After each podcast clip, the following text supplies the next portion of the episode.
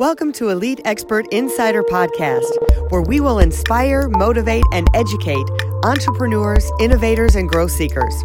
Brought to you by Elite Online Publishing, making the best and brightest in the industry number one best selling authors. 80% of people say they want to write a book. We're assuming that's the same for you. If so, contact us at www.eliteonlinepublishing.com and make your book a reality. Hi, everyone. Welcome to another wonderful podcast with Jen Foster. Hey, Jen. Hey, everyone. So, we're having a super great day here. I am really excited because, yes, I am over 50. Jen is not, but she, you know, we're both single, okay? So, we're going to learn a ton. If you are single or know somebody single, I think some of this applies to if you're under 50, but most of it applies if you're over 50 it's how do you manage that jungle of dating out there? There are so many choices now between online having your friends fix you up and then you're you know you're over 50 it's like oh my gosh if you just became single and you're over 50 it's like your whole world is upside down and you're trying to figure out this way to find and meet people so we're going to learn all about that today. We have Lisa Copeland here with us. But first, remember to subscribe to our podcast. Hit that subscribe button. We want you to subscribe. We always have great, great shows here. We have wonderful guests. You're always learning, getting motivated, getting inspiration. Um, so make sure you subscribe and leave us a review. We would love to hear from you. Tell us what you think and uh, tell us what you want to know more about. And we'll have guests like that on here. Also, uh, our show is brought to you by Elite Online Publishing. That's the business that that uh, your business owners, entrepreneurs, uh, um, individual coaches, consultants, we make you number one best selling authors and teach you how to use your book as a branding and marketing tool for your business. All right, let's get started. I want to jump right in. Lisa Copeland, thank you so much. She is also an author. She has a great book out there about dating over 50. So we're going to get started. Lisa, welcome to the show. Thanks for coming. Oh my God, Melanie and Jen, thank you for having me. I'm so glad to be here. Yeah, so Lisa, tell us a little bit about how you got into this and helping women over 50 with dating and coaching them. I'd love to. So, I came out of my second marriage. I was in my early 50s and I felt like such a failure. It had only lasted two years. It was like a rebound marriage that was all about chemistry. And then um, I went looking for a coach to help me because I'm a, a really big believer in coaching. So I went looking for a coach. I couldn't find any coaches that could help me with this journey. I wanted to get back out there. And I really had a pretty miserable experience between my first and second marriage dating. So when I couldn't find a coach, I called my sister and I said, I think I'm doomed to be single forever. And she said, no, you're not. She said, You're really resourceful. You can figure it out and just start reading everything you can. And that's what I did. And then I ended up really having fun dating. So my friend said to me, um, What are you doing? We can't get a date. You're always going out. And I said, Well, try this tip. And so they started trying these tips. And what happened was I came across a statistic where people, so many people our age are getting divorced. And I didn't want them to suffer. I mean, I literally suffered when I first started dating. It was just horrible. And that is when I began a business because I wanted women to feel they could have the tools, the, the strategies, and get the support. So they didn't go through what I went through. So how is dating different when you're in your 50s versus when you're younger? Like, you know, your first year in your 20s and 30s. How is it different?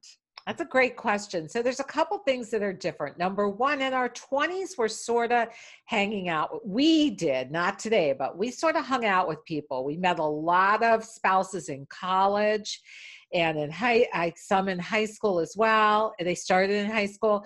So we didn't have to really go out there and find people as much. Also, there were a lot of single people in our community and around us. Now, when we're over 50, it is a much more mixed bag. There's people, more people that are married, there's people that are single, there's people that are divorced, people that are widowed and widowed wers and you don't know who's who so it's not like mm-hmm. in one concise place like you did back when you were younger have that that pool to choose from the other thing that's different is in our 20s, we're looking to build our lives. We're looking for someone to build a world with, where houses, kids, pets, jobs. At this age over 50 what you're actually doing is you want a companion you want to have fun you want to have support with someone through what ups and downs happen and it's a very different way of looking but what we do is we go out there and we, and we look for the guy we were looking for in our 20s and so that's why over 50s dating can be so difficult because you're uh, not on the right page for what you want to be looking for. It's not about making babies anymore. It's mm-hmm. about companionship, fun, and support. Yeah. I love how you say that because it really does change what you're looking for and what you want to do. And then to get dive into that, it's like now you got to figure out okay, well, he has already got his house and his life and his kids, and you have your life and your house and your kids. And then you got to figure out how that's going to work together mm-hmm. um, whether it stays separate or you come together and have that you know family together so there's so much to talk about and think about when you're when you get into that so can i share something here with you about another thing about over 50s mm-hmm. dating it does not have to be like it was in your 20s. You don't have to necessarily share houses. You don't necessarily have to be with someone the rest of your life. I think in your earlier 50s, like late 40s, earlier 50s, you're still geared towards marriage. But as you get older, what I often hear and what I've seen so much of with my clients is they don't necessarily want to combine households anymore. They right. want to be with someone in a committed relationship and maybe live apart. Some want to live together. I've had clients get married, clients move in together, and I've had lots of clients live apart. And I came across a study recently that talked about as you age, in many ways, you're happier living apart because you're both independent, but you still have that commitment, you still have that love, you have that support mm-hmm. and companionship whenever the two of you want it. And mm-hmm. so it's just different, a different way of viewing it eh, than it was in our 20s where we were looking for lifelong commitment. Mm-hmm. You know, there's uh, that show Divorced and um, at the end of the last season that they had they decided that they needed to have separate households because they each had kids and it was just too much combining the whole thing. And, and right. they got married. You're like how interesting they got married but they kept their separate households. So right. I, one of the things that i that i didn't realize till later um, you know or maybe i realized right away i tell my kids this it's like finding someone at my age i said when you're young i said imagine you're at the toy store and you get the you can have unlimited budget. You can have the best shiniest toy any toy you want in the toy store. And then at my age you got to go to the scratched and dented and return section try and find the best toy you can find in your turn. Well maybe this one will still work. I don't know. Like you know everybody's damaged goods at this age. They're all carrying around some kind of baggage. So how do you find someone that's still in pretty good a mental emotional state well, I would like to reframe that mindset of damaged goods. because even your married friends have issues and baggage. It's just they've been together so long. Right. It's not, it's evident. It's evident when they separate. So um how do you look for someone? Well, number one, when I work with women, I help them get a really clear vision of who they want. I think that's the most important thing because mm. most people are afraid of failing again. So, what they do is they're looking for perfection, men and women. And sometimes, because of online dating, they're actually looking for what I used to call the Wendy's syndrome, where you pull up to the Wendy's drive through and you say, I'll have a hamburger with cheese and lettuce and pickle and whatever else you want on it. And that's kind of what they're doing with online dating. I remember when I was in my 40s dating, I saw a guy write, I want a small, petite woman with blonde hair, blue eyes that dresses this way and has this job come on, that doesn't exist. So, what you really want to do is you want to, I help women get clear what's really going to make you happy today. So, a lot of times people say it has to be chemistry, I have to have instant attraction. That goes back to your 20s of baby making mode where you had to build from the DNA. Uh, it goes back to the caveman days from the DNA where you had to find someone that was strong and fit that you could have children with. Today, you want someone that can be your playmate, that can be there to support you. And that's a whole different thing of what's going to make you happy in the long run mm-hmm. versus mm-hmm. someone who's go- drop dead gorgeous or, or instant chemistry, those kinds of things. Does that So help? Does that answer? Go ahead. Yeah, that helps. So tell us a little bit about like what are some of the steps you have say you have seven steps to attracting your quality man. Mhm. And tell us like what are some of those steps? Like what's how can I find that man? And is it about the list making or is it really or I mean I think I've made I don't know how many lists. And and every once in a while, you know, people I'll date someone who I'm like, "Oh, they have these certain qualities." And it works out, but then other times you're just like, is that person out there? Like you said, is that asking too much? you know? well, those are two different questions. Let me address your list though. Okay. What I have clients do as part of getting that clear vision is getting super clear on the values that are important to them. Mhm. Because when I was in my 40s, I would make a ton of lists too, and a guy could have 90% of that list. But truthfully, our values were not the same. And Mhm. that's why the relationship didn't didn't go anywhere. Um, so it's really important that you choose like 10 to 15 values max that are important to you, and that man should have those values. Because if you don't have those values in common, it's very, very difficult to sustain a relationship.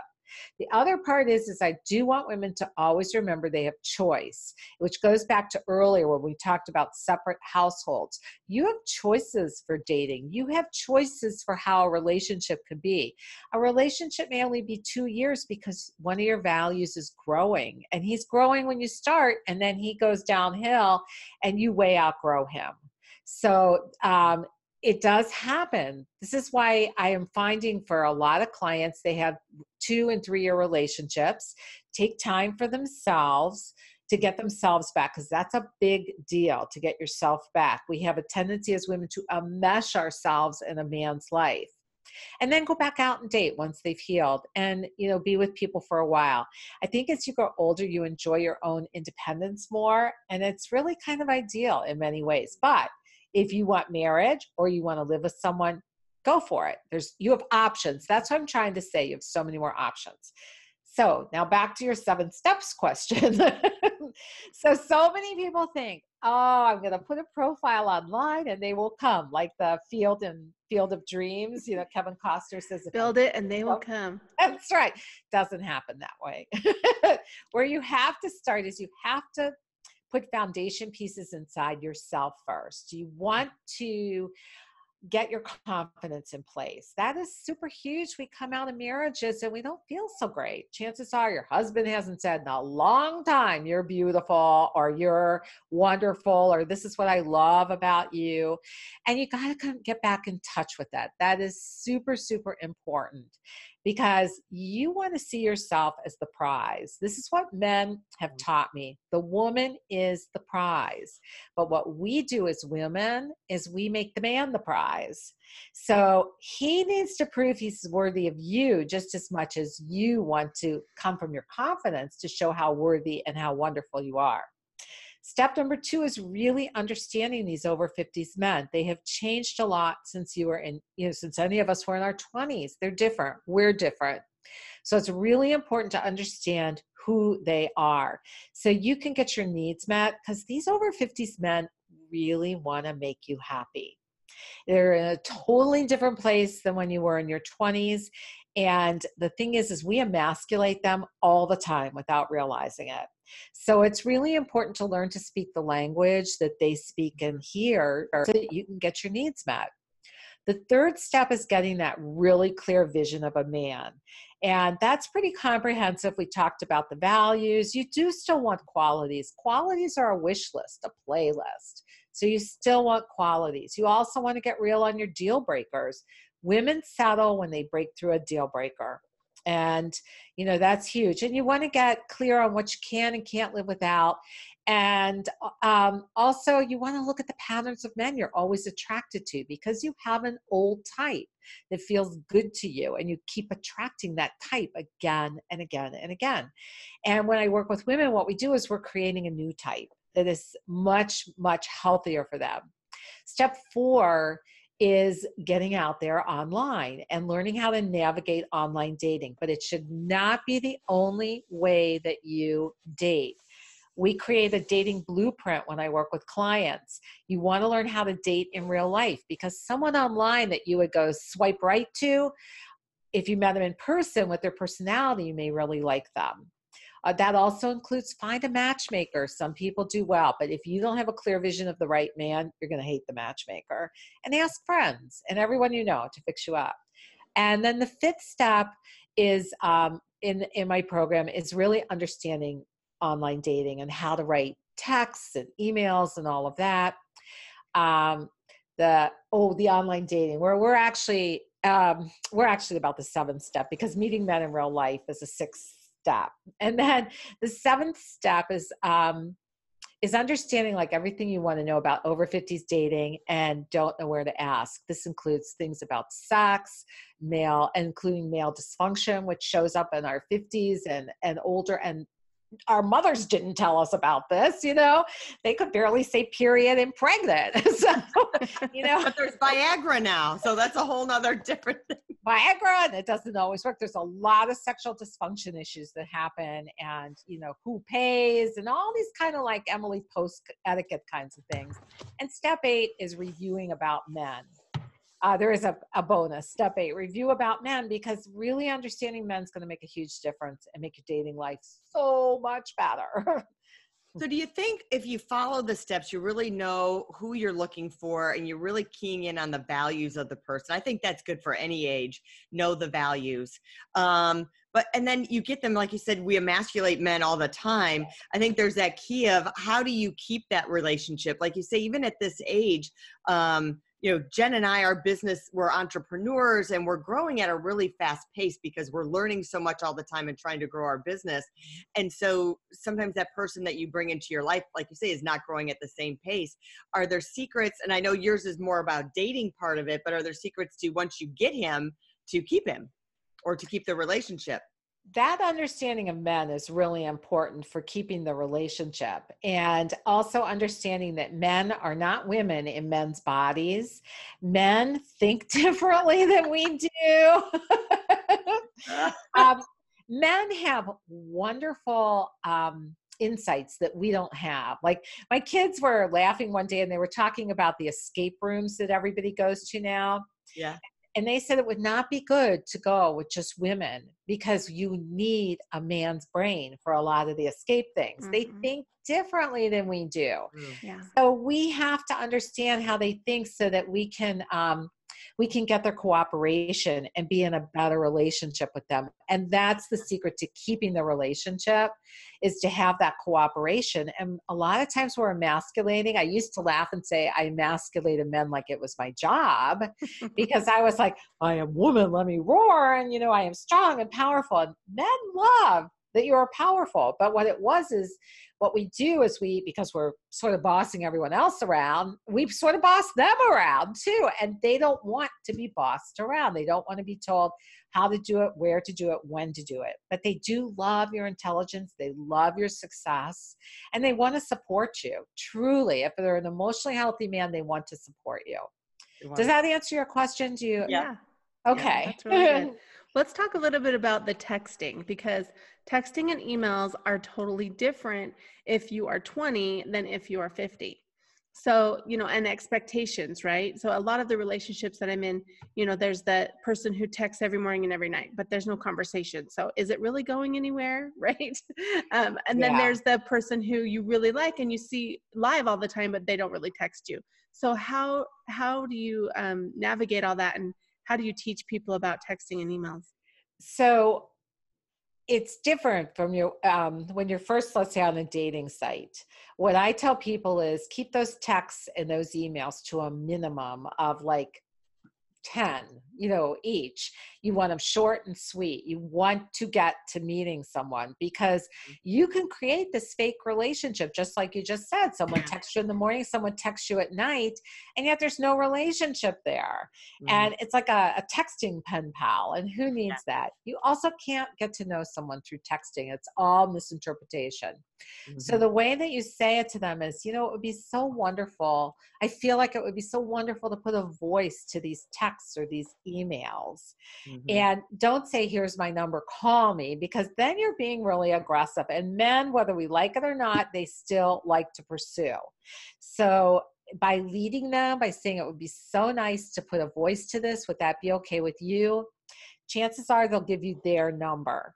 And a lot of men do that, number one, because they've been rejected a thousand times more than we have. And number two, they give their number so you feel safe versus you giving your number. But if you don't feel safe, get a Google Voice number. It's free. Don't attach it to your Gmail account that has your last name. Come up with a different Gmail account. Leave your last name off so they can't you know they can't track you and you can text on that as well text through you cannot call on it and then when you get to the voice thing and you want to give them your real number you can say i have another number can i share it with you but anyways all right so then when you're at that when you've said i want to hear a voice if they don't get the hint then you could say well i think it'd be fun to talk on the phone and you do the same thing you do not want more than one or two conversations you go beyond that you're setting yourself up for being scammed because you just don't want to get into a relationship with someone that you have never met because the relationship is really here mm-hmm. and not a real relationship it's in your head and then it doesn't um, when you meet it doesn't connect because your relationship was here their relationship was here when you come together it's not the same relationship so you do the same with meeting, one to two phone calls. If they don't say, let's go out, you say, it'd be nice to put a, uh, you know, nice to see what you look like and to talk in person. Would that be okay with you? You're just leading. You're letting them know it's safe to ask you out. is really what it is. okay. That's a good that idea. So, all right, I want to go over um, before we we wrap this up of the online dating. Scares me to death. Never done it um, safety, just wondering, you know, are, are, people really true about what they say? And then the people, I've even known people that have been on there, and I looked up one side, I'm like, I know this guy. That's not the right age for him. That's not what right. he does. I'm like, holy cow. So it's like, you know, what do you believe? What do you not believe? How do you navigate that? So it's why it's important to get to a meet and greet quickly. You need to see who's there. When I was in my 40s, I would look at a guy and I would go, Oh, I could be the next Mrs. So and so. And you know, I didn't know anything about him and who knew if his profile was right. Well, you don't want that happening. That's that romantic thing in your head. So yeah you you have to get to that meet and greet you've got to get there to see who they are uh, there's a um, a wonderful uh, de- private detective who helps women all the time. She might be a wonderful contact for you to do an interview with. She's amazing. Her name is Julie Natashaway at Aste, A-S-T-E dot I-O. I have sent many clients to her when they haven't felt they weren't sure about something or they wanted to check a guy. So you have resources. She does it personally. It's not that expensive um, but she's great. My clients have all loved her, and um, and she gives great tips for staying safe online. But you stay safer by meeting quickly in the game mm-hmm. and also meet in a public place that's really important too just meet in a public place and let someone know who you're meeting their name their you know their phone number their email address whatever you've got on them you know let them uh, let someone know that's how you stay safe and watch the guy that looks too handsome online. He's probably the scammer. Because it's usually a model picture they've picked up and just replaced yes. it. well, thank you for coming today. Oh, I loved being here. Yeah, thank you. We, we, what's your website? Where can people go to find more about you and find your book? Okay, great. Well, my website is called findaqualityman.com because that's what we all want to find. On there, I have an ebook that you can get the five little known secrets for finding quality men. And then I have a real book on Amazon, The Winning Dating Formula for Women Over 50. And women tell me they keep this book in their nightstand to literally um, to use as a resource all the time that you could go back to. but my website again is findaqualityman.com.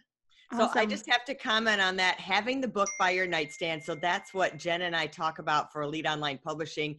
It's one of the few marketing tools that people take to bed with them and they covet it. It stays there. So think about it. that book stays on their nightstand maybe for months at a time. Uh-huh. They're looking at it every day. They're looking at your brand, your advice all the time. So uh, we highly, highly recommend doing a book for your business. People will be very close and cuddly with you if you do. So what more yeah. than that? So to get up close and personal with your clients. Thanks again, Lisa, for stopping by, Lisa Copeland. So um, I hope you learned a lot today and got a lot out of learning how to date over 50. And a lot of those tips work for you even if you're under 50, if you're single. So uh, take a look at all of her stuff. And again, remember to subscribe to our podcast. We love to have you subscribe and leave us a review and tell us other things that you would like to know about on this podcast. Also, Jen and I just came out with a daily goals planner. So if you go to Amazon and look up Goals Daily Planner, Elite Online Publishing, if you want to max out your goals and you want to just crush it, then just get that planner. It'll take your career and your life to a whole nother level. We'll see you next time. Bye. If you'd like to create the most powerful advertising tool for your business, contact us at eliteonlinepublishing.com, where we will help you create, publish, and make your book a number one bestseller and show you how to get new leads and more revenue for your business. If you'd like to check us out on our Facebook page, we have a free book for you as our gift. Just go and click free book.